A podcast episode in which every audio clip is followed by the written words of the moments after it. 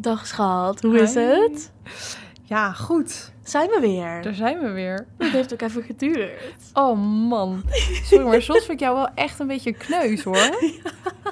Ik eh, woon in Nijmegen en het duurde mij drie uur voordat ik hier was. Ah, Wat er gebeurd was, dat ik dus echt gewoon... Ik stond ergens in Maarsen, weet Ja. ik veel. Ja. Geen seconde over nagedacht dat dat misschien niet de goede plek was. Nee, je stond helemaal verkeerd. Maar dat jij niet in de bus zit en op een gegeven ogenblik toch denkt van... Nee, dit heb ik hier allemaal nog nooit gezien. Dat is precies wat ik dacht. Maar ik dacht, oh, dit ziekenhuis, dat ken ik nog niet. Ik wist niet dat dat ook in Utrecht zat.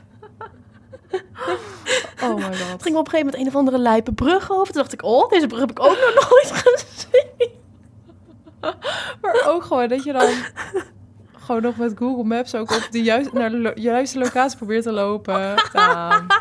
Oh mijn Dat ik dan god. nog steeds niet door heb dat ik niet goed zit. Oh my god. Oh. Ik zou willen zeggen, het kan de beste overkomen, maar ja, dat- Nee. dit is wel, eh, dit, is, dit vind ik knap. En alles eh, om het eh, deze week te hebben over buitenaards leven. Ja, precies. Ja, daar wilde ik het natuurlijk zo graag over hebben. Dat ik dacht, ah, daar ga ik gewoon drie uur voor reizen. Dat is het probleem, jij was te excited.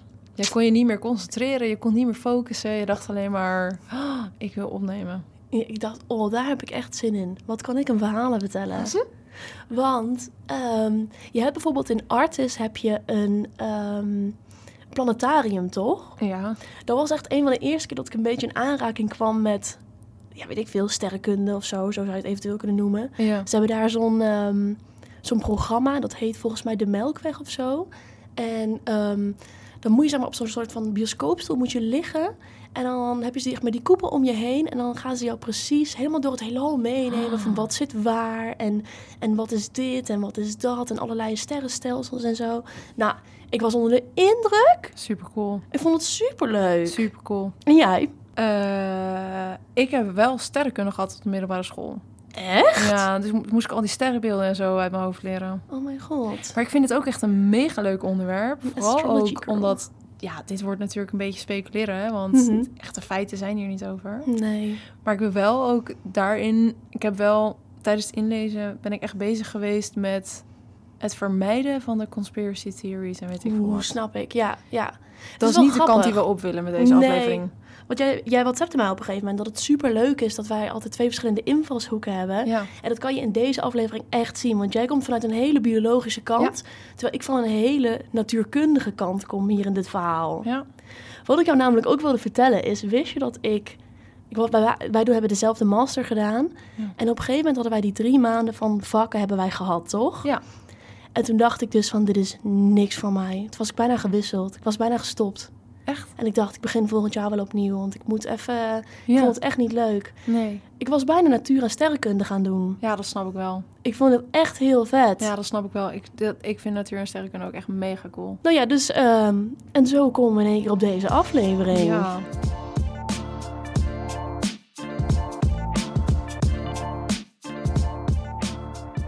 Intro muziekje. Intro-muziekje. Intro muziekje. Oké, maar die show in Artis, ik ben er niet geweest. Mhm. Vertel eens, eh, hoe was dat dan? Nou, ehm, het is sowieso, zeg maar... Het ging echt niet per se over buitenaards leven... maar het ging zeker over de, over de melkweg. En ik heb daar toen geleerd dat ehm, naast de zon bevat ons zonnestelsel ehm, acht planeten en vijf dwergplaneten en weet ik veel wat nog meer aan eh, planeten en, en dwergplaneten, planetoïden, bekende kometen. En dat er dus in de Melkweg ook zeg maar zo'n 100 miljard andere sterren zijn. Zeg maar de zon is weet je wel onze ster. En een deel van die sterren draait dus zeg maar om elkaar heen. Maar een ander deel van die sterren heeft bijvoorbeeld wellicht eh, een planeet of weet ik veel wat.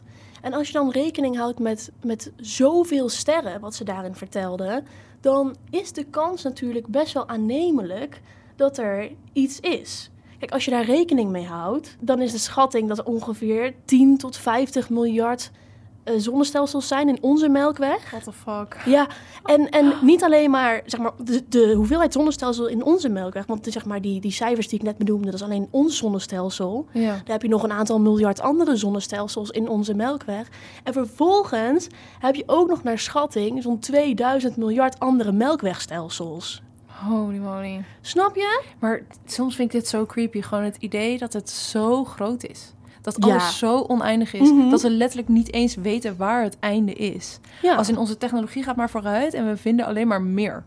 ja. Dat vind ik gewoon, dat vind ik gewoon een lijp idee. Ja, maar er is nog zoveel En meer. Er is nog zoveel meer. Weet je, want we zeggen nu bijvoorbeeld ehm, wel van. van ehm, we zijn best wel bezig met zoeken naar buitenaards leven, toch? Op Ja. zich eh, hoor je het een en ander, hoor je ervan. Maar, maar je moet je dan maar voorstellen dat wij alle stranden op de aarde maar hebben. Ja. En ik heb zeg maar een handje zand in mijn hand. En dan zeg ik van, ah, hier zit geen paard in. Snap je? Zo van, er is zo fucking veel. En we hebben zo weinig bekeken. En we hebben gewoon nog niks gevonden. ja. Betekent niet dat het er niet is, denk ik. Maar, ja, want daar wil ik eigenlijk wel even op inhaken. Ja. Want het feit dat jij zegt van... oké, er zijn zo moeilijk veel planeten... eh, Mhm. weet je wel, waarom hebben we het nog niet gevonden?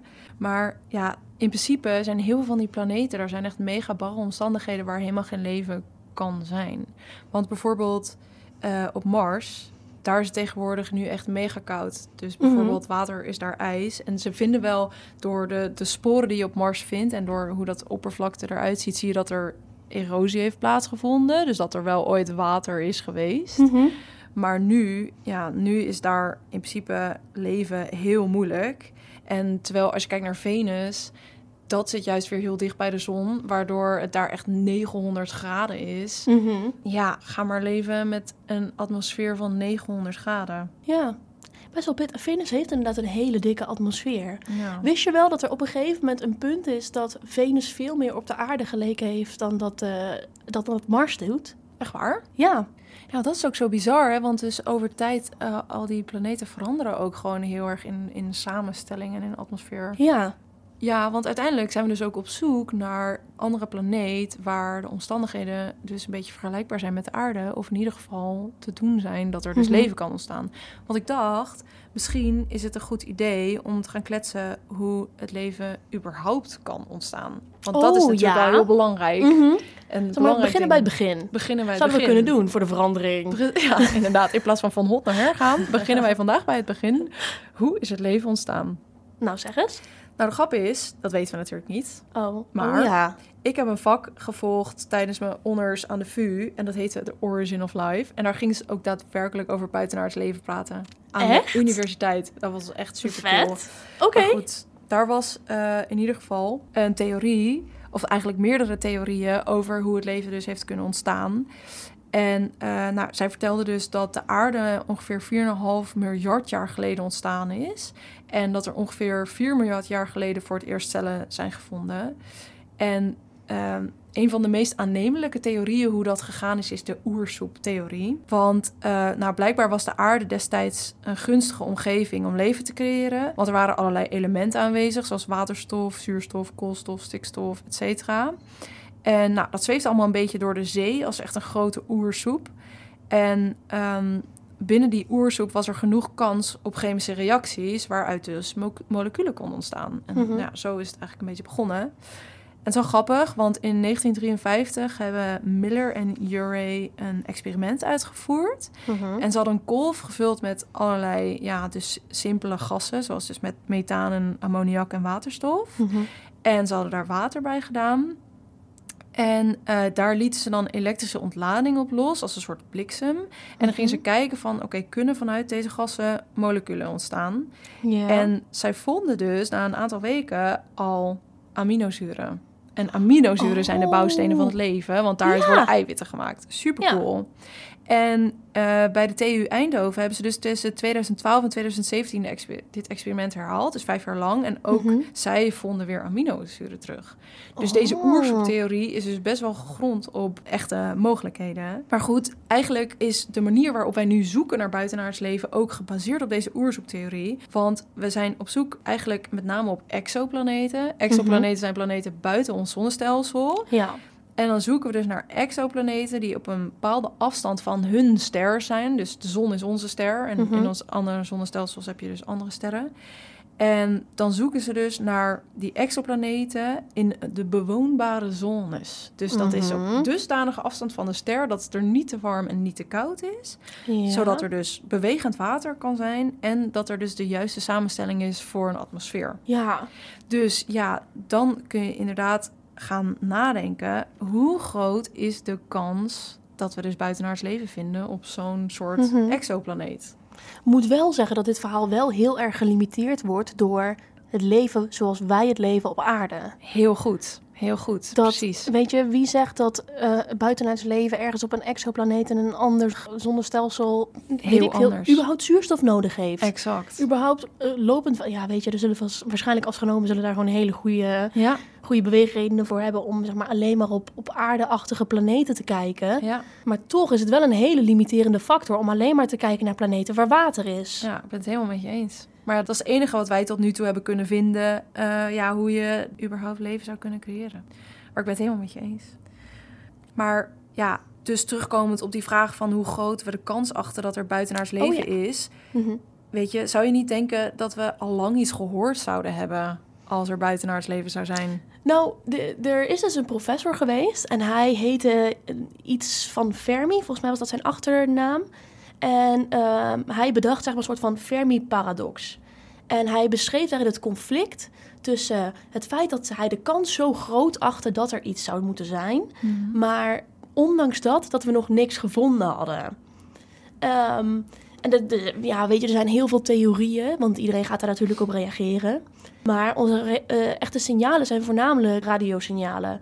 En het zou kunnen dat het buitenaardse leven dat gewoon bijvoorbeeld niet op kan pikken. Ja. Stel je voor dat zij dat soort dingen nog helemaal niet hebben. Of, of Dat zij nog niet ver genoeg ontwikkeld zijn om onze radiosignalen te ontvangen. ja, bijvoorbeeld. Of Ja. dat zij gewoon een andere vorm van communicatie gebruiken om, om juist tegen ons te spreken, bijvoorbeeld.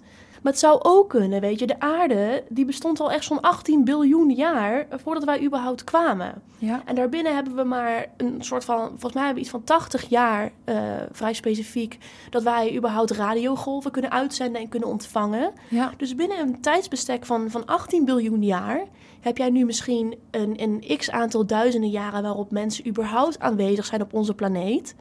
Ehm, en binnen die duizenden jaren heb je überhaupt maar, achter, maar, maar, achter, maar 80 ehm, jaar dat wij überhaupt radiosignalen kunnen verzenden Ja. of ontvangen. Wie zegt dat wij gewoon niet langs elkaar heen leven, weet je wel? Dat, zij, ehm, dat er inderdaad leven was, bijvoorbeeld op Venus, zoals ik net zei. Dat was een hele aardachtige planeet op een gegeven moment. Ja. Maar dat het misschien 5 biljoen jaar geleden was. En dat wij nu alleen nog maar zien wat er ooit geweest... Nou, we- dat we alleen nog maar zien wat er nu is en niet wat er ooit geweest is. Ja. En dat over 5 biljoen jaar dat de aarde er exact het datzelfde uitziet. Dus dat we gewoon letterlijk elkaar mislopen. Ja, en dat ze Ook over, op, over op vijf niveau van intelligentie. ja of überhaupt bestaan. Ja. Want wie zegt dat, we, dat niet ehm, de, de wezens op Mars misschien over 5 biljoen jaar zeggen van... oh, de aarde had zomaar bewoond kunnen zijn, weet je wel. Ja, ja, ja, ja, Want het precies. feit dat wij geen leven kunnen vinden... Ja. zegt wellicht ook wel iets over een tijdsbestek... waarin mensen überhaupt kunnen leven. Ja. Snap je? ja, ik snap helemaal wat je als, bedoelt. in, als in wellicht was er wel leven op Venus... maar is eh, de mensheid, of, of in ieder geval intelligente wezens... dat zij hun planeet een soort van opleven of zo. Ja. Dat het op een gegeven moment gewoon afgelopen is. Ja. Want Venus zit namelijk vol met CO2 aan de binnenkant van die atmosfeer. En dat is een broeikasgas. Ja.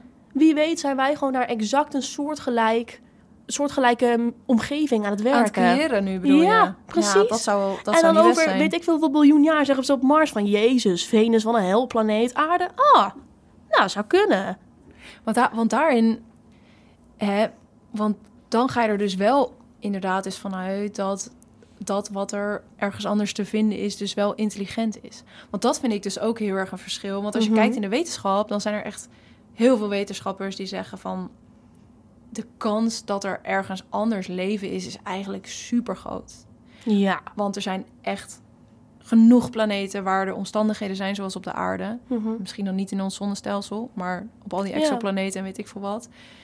En, ehm, want ik had ook, ik ben, ik ben uiteindelijk gaan, gaan googlen op hoe groot is de kans dat er ergens anders leven is. Ja. En dan heb ik alle, alle wappies soort van opzij geschoven. En ik ben echt gaan Ja. zoeken naar feiten. Ja. Nou, dat is echt, geloof me, dat is best wel moeilijk te vinden. Uh-huh. Maar ik vond uiteindelijk een astronoom, David Kipping heette hij. Oké. En best wel cool. Ik, ik, vo- ik vond het heel ingewikkeld, maar hij had statistische Ja. analyses gedaan Uh-huh. om antwoord te geven op deze vraag. En hij had daarbij, eh, ja, dus eigenlijk gebruik gemaakt van verschillende scenario's zoals ze dat op, het aar, op de aarde ook waren. En dat heeft hij met elkaar vergeleken. En nou ja, hoe dan ook. Wat jij dus eigenlijk net al zei, alles was gebaseerd op aarde. Ja. Dus zijn uiteindelijke antwoord was ook van, nou, de kans is ongeveer zo en zo. Ook dat was Mhm. een vaag verhaal.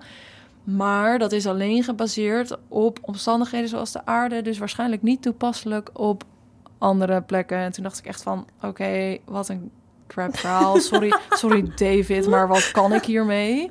Heel erg mijn best gedaan om het allemaal te begrijpen. De conclusie was echt zeer teleurstellend. Ja. Maar wat hij wel zei, en dat vond ik eigenlijk wel heel mooi. Want hij zei, ondanks dat er zoveel leefbare planeten zijn, Ja. hebben we dus geen idee hoe groot de kans is dat leven daadwerkelijk ontstaan. Maar het enige wat we weten is dat de kans sowieso niet nul is, want wij bestaan. Precies. Dat vond ik mooi. En eh, weet je, als je een wetenschapper bent, dan geloof je niet dat de aarde toeval is. Tussen al die biljoenen planeten en dergelijke, dan zouden wij een wonder zijn. Precies. En, en scheikundigen geloven niet in wonderen. nee, Er is gewoon een, een bepaalde beredenering achter. ja. Want dat is eigenlijk dus ook wat ik zelf als eh, onwetende hierover geloof. Ik Mhm. geloof sowieso dat er onintelligent leven is op andere planeten. Oh, Over ook. intelligent leven weet ik niet. Geen idee. Maar ik geloof sowieso dat er gekke bacteriën of weet ik veel, of Ja. eencellige whatever ergens, ik weet niet hoeveel lichtjaren Ja, ver zit. Dat, dat moet wel. Ja, inderdaad. Ik, ehm, volgens mij, ik vond wel een artikel online wat heel graag het buitenaardse leven wilde splitsen. Ja. In, in micro-organismen, in ehm, intelligent leven en in technologisch geavanceerd leven. Ja. Dat we daar zeg maar een onderscheid in kunnen maken, zodat op het moment dat wij praten over buitenaards leven, dat we niet alleen Ja. maar over alles in één hebben. Precies, want dat kan, kan je eigenlijk niet doen. Nee. Maar dan kom je wel al uit op de vraag: wat is intelligent leven? nou, Is dat iets wat, wat, wat kan communiceren? Of is dat iets wat ja. daadwerkelijk dingen kan ontwikkelen? Weet je wel, er is eigenlijk helemaal geen definitie voor intelligentie. oké, ik heb twee dingen te zeggen. Oké, ik ben benieuwd. Want in eerste instantie, toen jij begon over die astronoom, toen dacht ik eigenlijk dat jij ging naar Drake, van de Drake Equation. Eh, Heb je daar wel eens van ik heb gehoord? geen flauw benul. Nou, onder de astronomen, dit, ik denk dat dit in elke astrologie, astrologie, astronomieboek, als je dat kan vinden. En het is zeg maar een soort van de, de tweede meest bekende formule, los van eh ESMC eh, kwadraat. Oh, Ja, nou. nou, en, en die formule is zeg maar, weet ik veel, zeven verschillende variabelen. Onder andere eh, hoeveel sterren zijn er, ehm, weet ik veel wat nog meer, hoeveel leefbare planeten zijn er. En dat delen door de verwachtende levensexpectancy van eh, een civilisatie. Ja. Nou, en die, die formule die wordt nu echt grofweg heel veel gebruikt. En dat is dan, en die formule geeft dus uiteindelijk aan hoe groot de kans is dat er communicatie plaatsvindt, of niet? Eh, nou ja, nee, die formule geeft dus inderdaad aan hoe groot de kans is dat er intelligent leven ergens moet zijn. ja. En dan met alle variabelen in- meegenomen van... oké, je hebt zoveel sterren, je hebt zoveel planeten daarvan... hoeveel er leefbaar zouden kunnen zijn. Je hebt zoveel dit en zoveel dat. En dat allemaal keer elkaar en delen door een soort van kansberekening... dat die mensen daar op dit moment ook, zeg maar, zijn. ja. En, en dan kom je op een hoeveelheid uit... waarvan we verwachten dat binnen al die sterren, binnen al die planeten... dat er dus iets Bizar. is. Echt bizar. Het tweede deel wat ik wilde zeggen is zeg maar... aangezien jij vraagt naar wat nou intelligent leven zou moeten zijn Ja. dat vind ik ook een beetje lastig. Want ik vind bijvoorbeeld, eh, weet ik veel, als wij proefdieronderzoek gaan doen, dan gebruiken wij ook ratten, omdat wij dat zien als intelligente wezens. Ja. Maar een rat praat niet met mij. Nee, precies. Dus dat is, dat is echt een hele, best wel een belangrijke vraag. Een rat gaat ook geen radiogolven naar mij sturen Nee. als die op Mars woont. Nee, exact. Maar het is wel een, een, een intelligente vorm van Absoluut, leven. Ze absoluut. weten waar ze thuis horen, ze weten wat ze moet doen, ze weten hoe om te gaan met, met kinderen, weet ik Maar, veel. maar weet je wat daarin nou weer de grap is? Want Nou. dat, daar, daar las ik ook weer over. Dat Mhm. iemand zei, maakt het uit wat de definitie van intelligentie is? Want stel nou dat we ofwel begin van de mensachtige nemen... ofwel het moment dat wij radiogolven uitzenden. Mhm. Daar zit bij wijze van spreken maar redelijke schatting 50 miljoen jaar tussen. Ja. En dan denken we, jezus, 50 miljoen jaar. Maar wat is 50 miljoen jaar op de 4 Ja. miljard jaar dat er al leven überhaupt bestaat? Dus uiteindelijk is de vraag, wat is intelligent leven, helemaal dus niet relevant. Omdat het om zo'n kort tijdbestek gaat. Ja. Dat zeg maar een beetje intelligent of mega intelligent, dat, nou ja, dat is een vingerknip. Ja. in tijdsbestek. Maar, oké, stel nou dat er dus wel intelligent leven is dan op andere planeten. Weet je wel, ja, hoe, hoe gaan we daarmee communiceren? Nou ja, dat doen we dus nu al een soort van... Er wordt niet teruggepraat, maar we doen al wel een soort van communiceren. Want er is dus binnen NASA een project. En dat heet het SETI-project, Search for Extraterrestrial Life. En ehm, zij sturen dus met radiogolven die boodschappen naar specifieke planeten. En dan hopen ze eh, dat we signaal terugkrijgen, zeg maar. Ja. Het grappige is eigenlijk wel dat we dus al echt drie keer of zo een signaal hebben ontvangen. Waarvan we één keer echt, het kwam ook echt helemaal in nieuws. Het heet nou de wow-signal, omdat er een wetenschapper ook echt wow naast geschreven had. Van holy fuck, Oh dit my is God. iets. Tot op de dag van vandaag hebben we geen enkel idee waar het vandaan kwam, Wow. wat het betekende.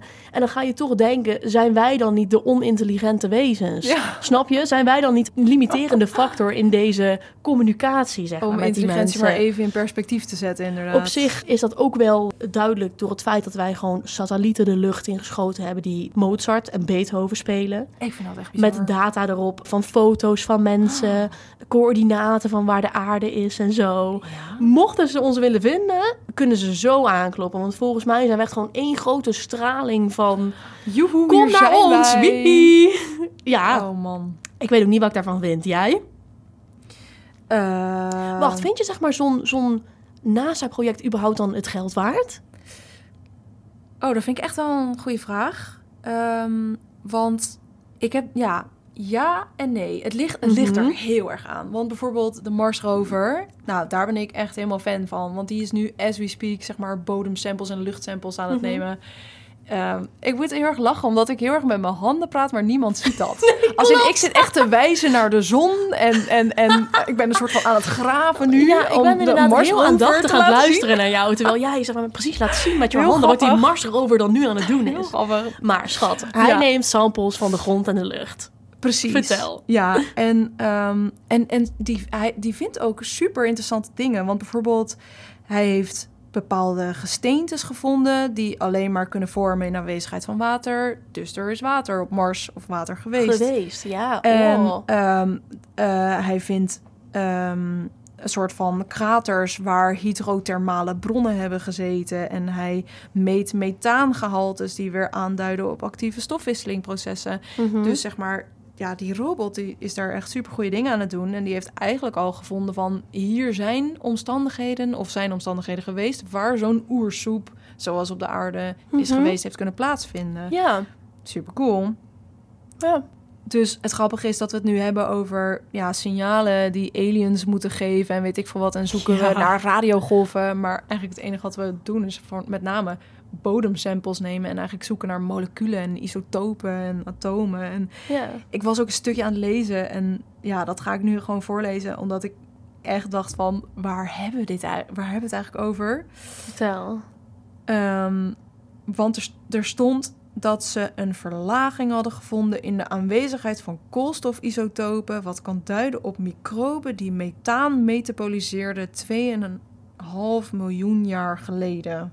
Ja, En toen dacht ik, dit vind ik, ja, als in heel, want we willen het graag wetenschappelijk houden, maar heel veel artikelen, als we dit soort vragen willen beantwoorden, ja. dan kom je met inderdaad koolstofisotopen en, en nou ja, Veel te diep. ik snap, er echt, ik snap er daar heel weinig van. Als in, ik heb er een beetje over geleerd, maar niet Ja. veel. Toen dacht ik ook van, ja, hoe ga je dit in Jip en Janneke taal vertellen? Dat ga ik niet eens proberen. Nee, dat hoef je ook niet te doen. Dus eh, ja, maar oké, Ja. dan de andere kant van het verhaal. Dus jij vroeg mij, vind ik het het geld waard? Dit vind ik absoluut het geld waard. Hier kunnen we wat mee. En ik denk ook dat we op een gegeven ogenblik toch hier een doorslag in gaan maken. Mhm. Maar dan heb je toch die teleurstelling wanneer Elon Musk voor een of andere PR-stunt een Tesla de ruimte instuurt. Ja, sorry hoor, wat. schiet mij neer. Ja. Ik vind dat echt absurd. Ja, ik kan- vond daar het ook kan, heel Daar raar. kan ik echt niet mee omgaan. Nee. En, ehm, want die auto, hè, ik had dus, ge- er is dus zo'n website, wat ook, daar staat ook heel groot op van dit heeft niks te maken met Tesla en ik ben just a guy die berekeningen uitvoert, maar die houdt dus die auto helemaal in de gaten, precies waar die zit, hoe ver die van de zon, hoe ver die van de maan, hoe ver die van de aarde, hoe snel en weet ik veel Stel je voor dat dat zeg maar een, een sollicitatie was die online komt staan, weet je wel. Tesla in de gatenhouder.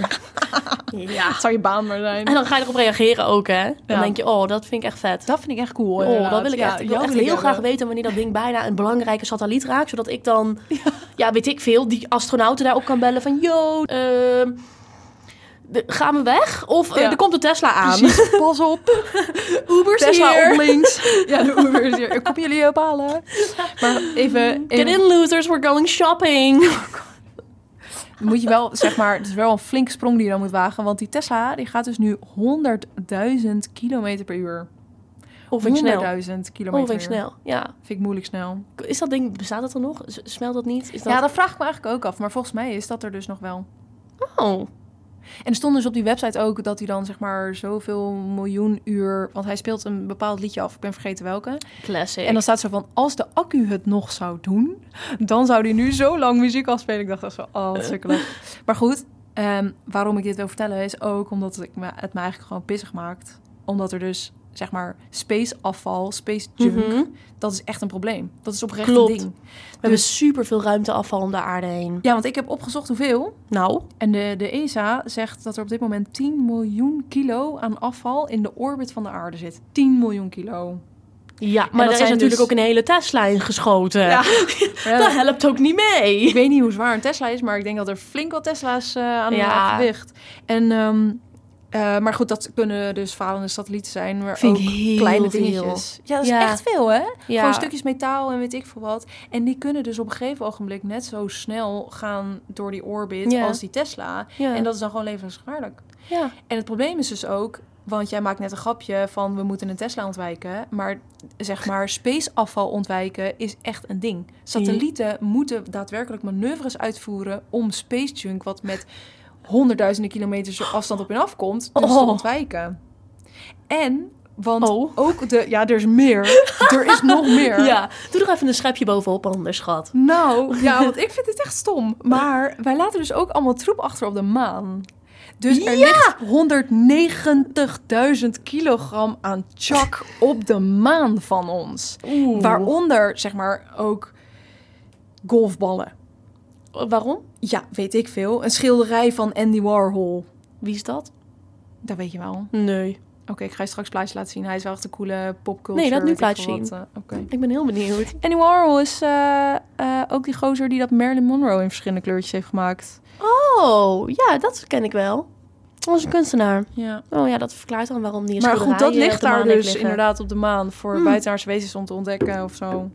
Ja, want wat dat betreft, als ze hier zouden willen komen, dan... ehm, wat zou er dan gebeuren? Ja, wat, Wat zou er dan gebeuren? Want dat, ik had ook een theorie gelezen Hm? en daar ging het dus over van, oké, zijn aliens goedaardig of kwaadaardig? En wat is dan... Dit is, klinkt toch wel een beetje conspiracy, joh. Ja, dit is wel meer conspiracy inderdaad. Ja, dit is meer speculeren inderdaad. ja, ja. ja. Maar zijn aliens goedaardig of kwaadaardig? En toen ehm, was het zo van... Toen zei ze uiteindelijk van...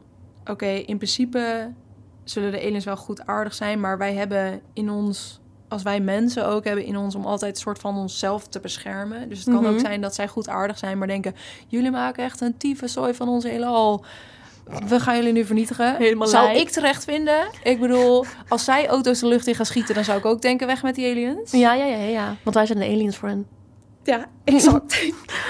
maar wat natuurlijk ook een mogelijkheid is, is stel nou dat ze dus wel goedaardig zijn, Ja. maar dat zij allerlei lijpe bacteriën en virussen op zich hebben waar wij dood van gaan. En, inderdaad, Ja, ruimtestraling. dat kan. Dat we op die manier dan denken van, oh my god, we hebben buitenaards leven gevonden. We Wat- zouden nooit bevriend kunnen raken met aliens.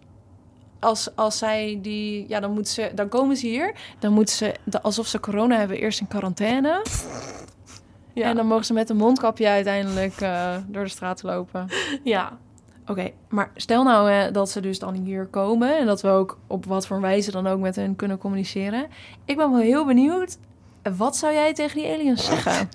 Ik wilde dit jou vragen. Ja, en nu Ik- gooi ik hem lekker er terug, want ik weet het antwoord Maar niet. nu heb ik er zelf niet over nagedacht. Alhoewel, soms denk ik hier wel een klein beetje over na. Want, nee, ja, wat?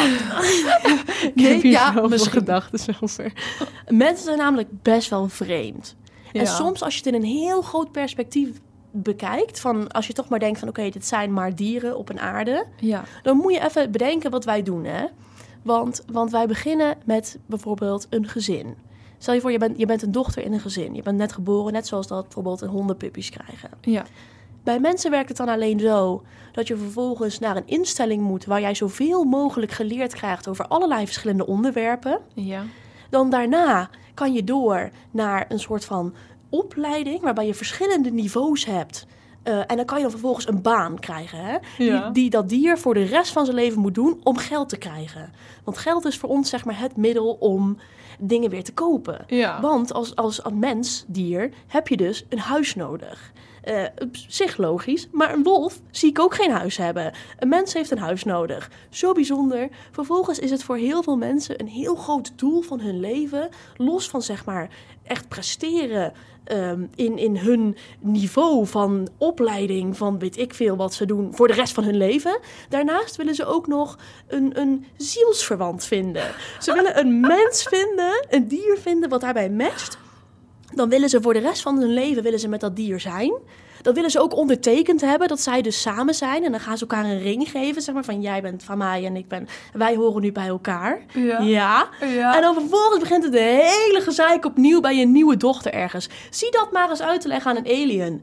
Die gewoon als een wolf in een bos loopt. Ik weet niet hoor, meid, maar ik vind dat je het prima hebt gedaan. Gewoon even zo uit je mouw geschud, mensheid uitgelegd. Ik ga, as we speak, bellen met de United Nations Office of Outer Space Affairs. Jonelle Meijer gaat graag in communicatie met de aliens, mocht het zover komen. Jemig. Ja, soms denk ik hier wel eens over na. Ik had het hier later over met mijn huisgenoot. En zei ik, wij zijn ook echt maar vreemd. We hè? zijn ook vreemd. Wat wij echt maar allemaal bedacht hebben om, om als handboeien in deze samenleving alsnog Ja. te kunnen functioneren. Ja. We, We moeten van zijn alles. We doen van alles. Ja. We hebben allerlei idealen, normen, waarden. Wat je wel en niet kan doen. Ja. We maken oorlog met elkaar, want soms mogen we elkaar niet en dan, dan slachten we elkaar helemaal af. Want dat is ook nog, eh, nog een klein dingetje hierop. Want er is ook een ruimtezonde, inderdaad, waarin we dus... Ja, de... Ik weet dus niet hoe je dit uitspreekt. Wat? Dit. Voyager. Voyager? Ja. Vind ik een moeilijk woord. Maakt niet Ja. uit. Dus die ruimtezonde, die geeft inderdaad ook een boodschap aan de, aan de aliens. Maar die doet dus expres niet praten over oorlog en weet ik veel. Wat ik eigenlijk, toen ik het las, dacht ik... Oh, wat zijn we hypocriet. Aan de andere kant denk ik, ja, vind ik wel logisch. Het Als is al moeilijk ga- genoeg Precies, het is al ingewikkeld genoeg. hoe wij werken. Ja. Ze zullen überhaupt moeten denken van wat is dit dan? Ik kom, ik kom hier voorbij in mijn ruimteschip. Ik hoor aan de linkerkant hoor ik Mozart. Aan de rechterkant zie ik een schilderij. En dan, Ja. oh ja, Tesla hier komt ook voorbij. Wat is dit gigantische metalen ding op vier wielen? What the fuck? Wat met 100.000 kilometer per uur langs mij schiet. ja, Ja, het slaat weer helemaal nergens op. ja. Maar de, hele gesprek komt dus ook heel veel verder gegaan dan dat we dachten. ja, leuk wel. Heel leuk. Maar misschien is het dan ook wel een goed idee om ehm, de rest op te laten voor de speculatie van onze luisteraars. Ja, Wat want dit vind ik... Ja, precies. Inderdaad. Vertel ons. Wat je op ervan Instagram vindt. of whatever. Hoe denken jullie over buitenaards leven? Geloof je er wel in? Geloof je er niet in? Weet je nog coole theorieën? En dan het liefst gebaseerd op feiten en niet op wappies. Deel het met ons. Ja. Vinden we leuk. Ja. Hebben wij al bedacht waar we het volgende aflevering op gaan hebben, over gaan hebben? Nee. Misschien moeten we hem gewoon dit keer dan maar even in het midden laten. Dat het een verrassing wordt. Oh, is goed. Wat leuk. De- dus nee, twee dingen. Eén, of het wordt een verrassi- verrassing. Of twee, jullie mogen ook een idee inbrengen. In- Oh, ja. Wat een goed idee. Ja. Leuk.